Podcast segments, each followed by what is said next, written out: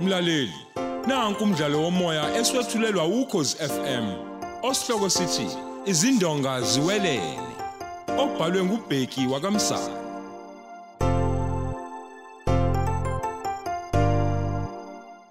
Lesi isiqebu samashumi amabili nambili.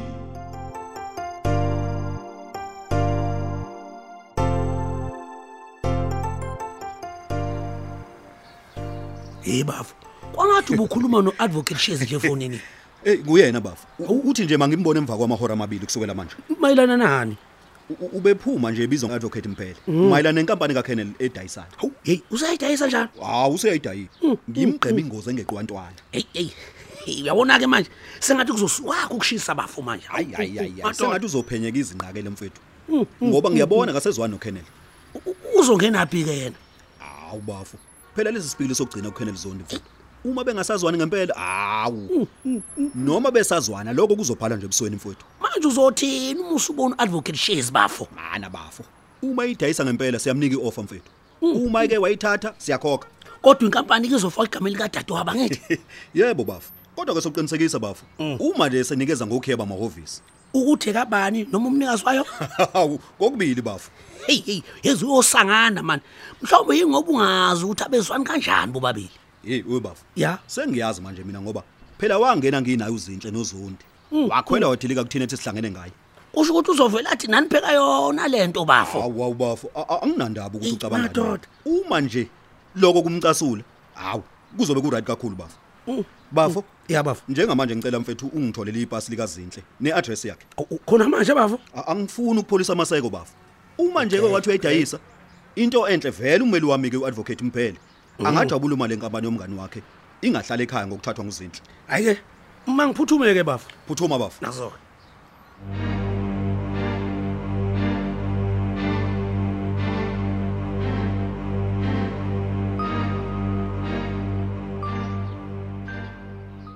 awu ngiyabonga mfethu ukuthi ufike ngokushesha eh advocate shezi njengoba bengishilo-ke nje ocingweni inkampani siyadayisa-ke njengesifiso sakho mfowethu Awu hayi nami sengimthintile umuntu oyifunayo.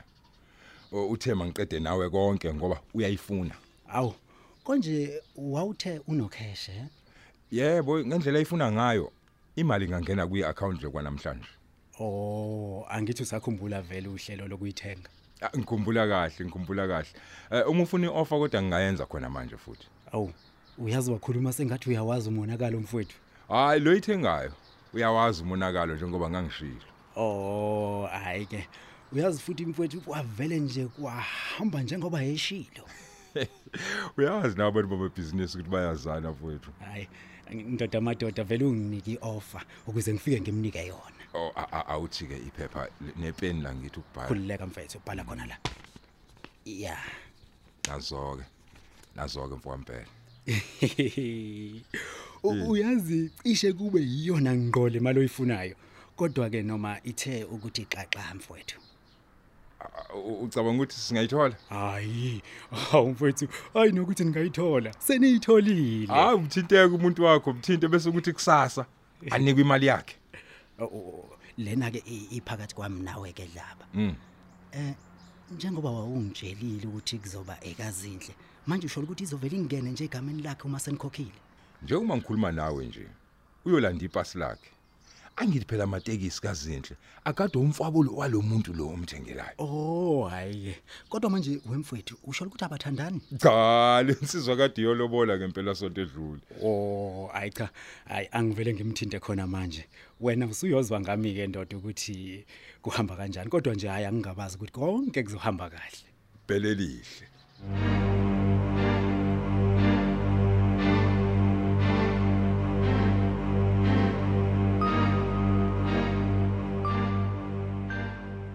hayibo ithi iyadlala mahlobo isikhathi sokudlala nginaso zinhle njengoba ngikhuluma nawe nje amambeli bayakhuluma abameli kungekudala hawu le nkampani kube eyakho into enhle-ke ngayo ayikho impunga yazo ukuphathwa kwenkampani okwakho ngoba nonke phela nafundiswa ubaba wenu cha iqiniso lelo nami ngisathukile ukuthi uphazame iphubusi ngoba ngikhuluma nje inemisebenzi yayo ye imisebenzi ayenzayo hhayi kahle mani e ungabe usayihluphayo ngalokho wena nje nginika ipasi lakho ngidlulisele kuzakhe mhlawumbe ke la kusasa awulothi lishone nokhenele zone yobe sethulile yonke imali yakhe ibisingena kanjani ke egameni lami awu phela lokho yobe kusuwumsebenzi kamasipala umene seyitholile nje imali yakhe kuphelile zinhle hehe awuyazi into ezojatshulwa babomncane wena hayi wawusho ubusumtshelile yini cha akazilutho naye uzothuka nje Eh kodwa kube ngiyinina nozondi ngabe ngilungiselela umshado manje. hayi nali ipasi lami sengozwa ngani ukuthi kuhamba kanjani Hayi khuleka zinhle.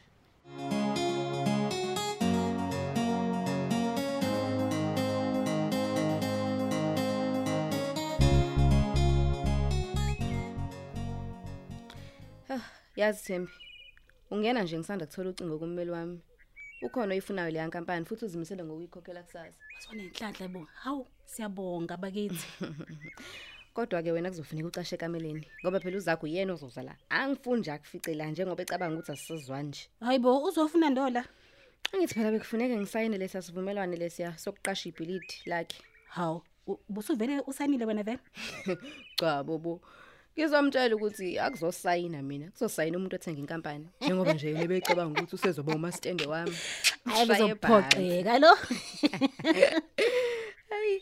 baleka baleka baleka nangu Sawubona Kenneth.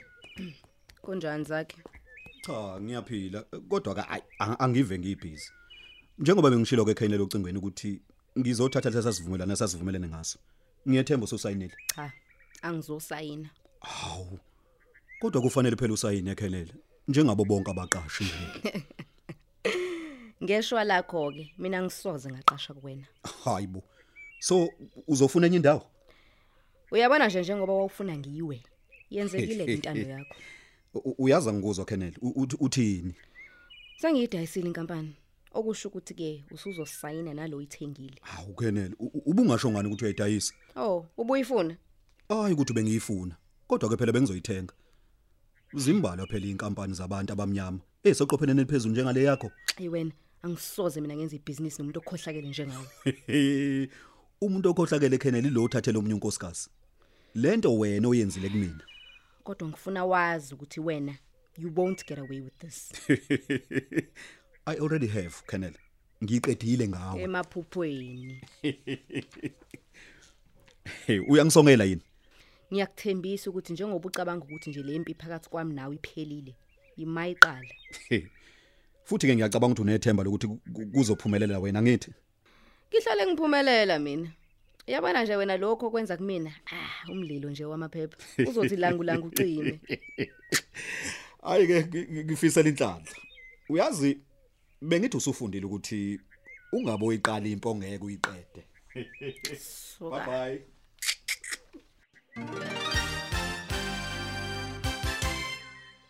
hawu ube njani ukuphoxeka lo hayi kanti ubukeke ngenandaba nje hawu kodwa mhlawumbe ujabulisa ukuthi phela ngikulesi simo nje ngenxa yakhe yazi into ezofuneka uyazi ukuthi asiwile kodwa siguqile Mm, mm, mm, ayoqiniseleke lapho kodwa solwa kahle uma wena usondelana nomndeni khona phela uzothola yonke into hey manje siqala ngakephi nje ngempela kahle kahle yabona uzakhe no-anele abazoshada ngoba phela bazofa bobabili kodwa kumele siqale ngozakhe yebo kunjalo soqala ngaye kodwa kufuneke phela uye kobheka ukuthi u-anele akahlali yini naye hawu kubaluleke ngani lokho angithi kufuneka bafe bobabili kodwa hhayi Mhm. ngendlela efanayo okwesibili uma efa uzakhe umuntu okufuneka athole yonke imali yakhe nguwena ehe yes yes uma kungenzeka ukuthi leya ntombazane ikhulelwe noma bengakashadi kodwa phela nayo iyothola U- uma ingakafi nayo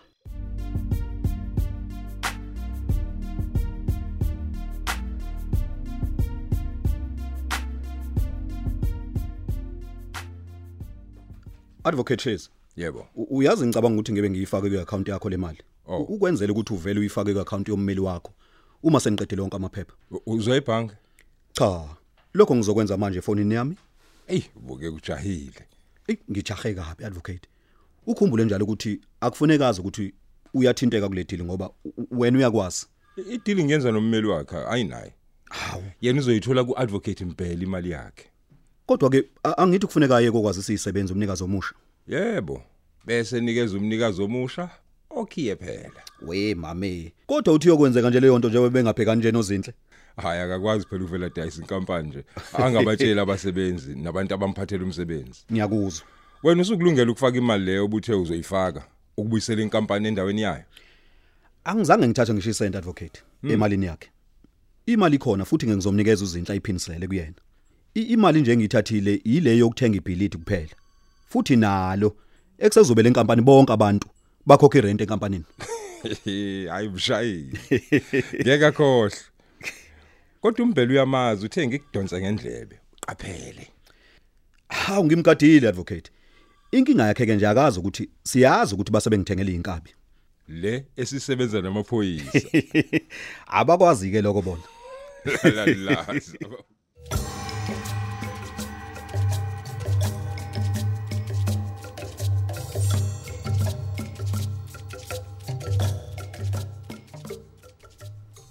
hawu savakashela wena namhlanje kodwa akekho zakhe hayi ngize ngizobona wena mina namhlanje hawu mina Eh, yebo ngiyazi ukuthi sisagcina singathulani kahle kodwa nje ngaleso sikhathi ngangakashayeki nje yabona um ngizocela nje uqala ngokuxolisa kakhulu kuwena bandla ngoba phela nawe unalicala umuntu nje la ozonele eh, izinto zakhe yimini uqobo lwami ngiyathemba-ke nokuthi phela uzwile ukuthi abakantombela hayi bangixolele Ah, noma bengingakabuyi nje ekhaya kodwa ungitshelile uzakhe Mm. a- angithi uyazi sikusho ukuthini lokho ukuthi sesiwumndeni nje impela kakhulukazi njengoba phela ngikhulele ingane yethu njena yethu ehe hawu ingane yethu phela angithi phela kodinga kehlale nawe nje la ekhaya elifudumele eh mina ngiloko ngiyivakashela ke yabo kodwa phela mina ngikashadi hayi a- awusho ushada nini vele ngoba phela ngizwile kuthu zakho useqedile lapha kini no hayi besingakakuxoxi-ke lokho sino zakhe awu sawubona Thembi yebo zakhe hawu yazi ngithi angizoyixolisela nje la ku-anele Hawu. ngokuyiphatha kwami bandla ngimqinisekise-ke nje nangokuthi um kufanele sibambane ngezandla njengomndeni Ay, ngiyabona Thembi. U- u- Uyazi kufanele sikhulume ngendawo yokuhlala ngithi. oh hawu ngangithi u-antino uthe um ngizohlala kuloya ndlu leya- leyo oyakhaya Cha Thembi, akunjalo. Ng- Ngizocela u- ukuqashela iflat engicela ulifune bese mina ngilikhokhela. Mina e- empeleni bengifuna ukwakhela indlu ekhaya. Ah, hayi cha bandla mina angena nomuntu nje okuhlela emakhaya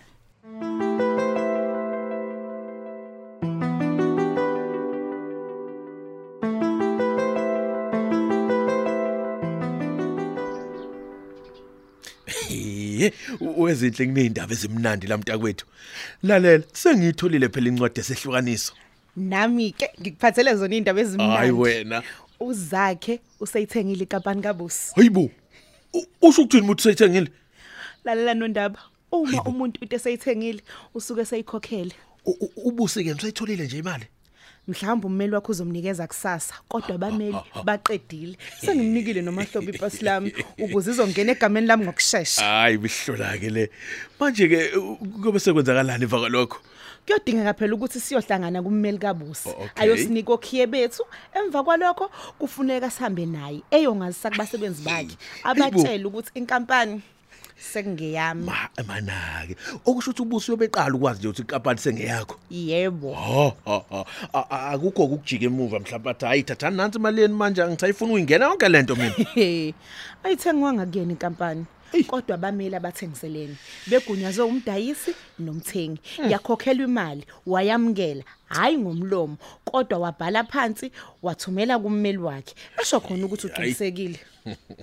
uyazi uzakhe lona ungaze umthathe kancane ngempela hey kanti uzokumangaza nangumuntu Hayibo. Uyakhumbula ukuthi ngesikhathi eqala ukukhuluma ngalento umahlobo, sasicabanga ukuthi uyayidlalela nje. hayi kodwa phela kwakufanele ngoba ubona ungachitha nje imali yakhe yonke athengele umuntu ongasona nehlobo sakhe inkampani inkampani yonke Eh, Kodwa mina ngaqala ukubona ngesikhathi ethenga ibhilidi ukuthi lo muntu umacaphuna kusasa. uyithathaphi le mali engaka ngempela adlala ngayo kanje Phela uyasiphiniselela ngento ayenzile ubusi, emthathela umkakhe. hayi cha impela hayi angifuni ungasho hayi kuyabiza buloku uyiphiniselela kwakhe lalela-ke kodwa-ke njengoba phela sengiwatholile amaphepha edivorce hayi masilungisele ukushada nathi Kodwa phela kuzofuneka sazise ubaba omncane.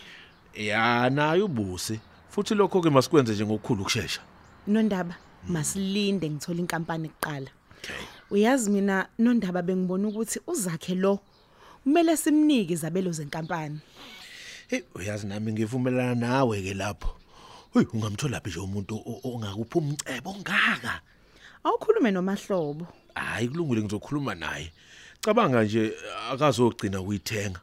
Kodwa usazofaka enye imali futhi. asimnikeni uhafu wezabelo Hayi anginayo nakancane ke inkinga lapho. Umuthanda angaziwa nje ukuthi unizabelo lapha ebusinessini lakho.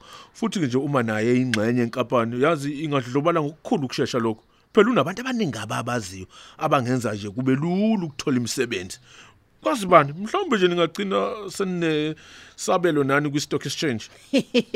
yazi wena Ngiyakutshela. yazi uvele ungixake nje uma usuthi yonke into yami kodwa sibeni soshada Ya ngiyaxolisa mntakwethu. Kodwa uyabona hayi uzakhayi uyindoda hayi. Indoda impela engayethemba.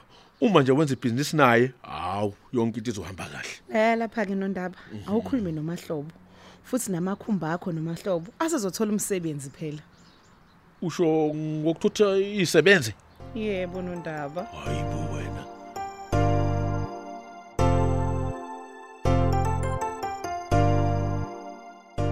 Siubeka lapho umdlalo wethu womoya eswetshulelwa ukhozi FM.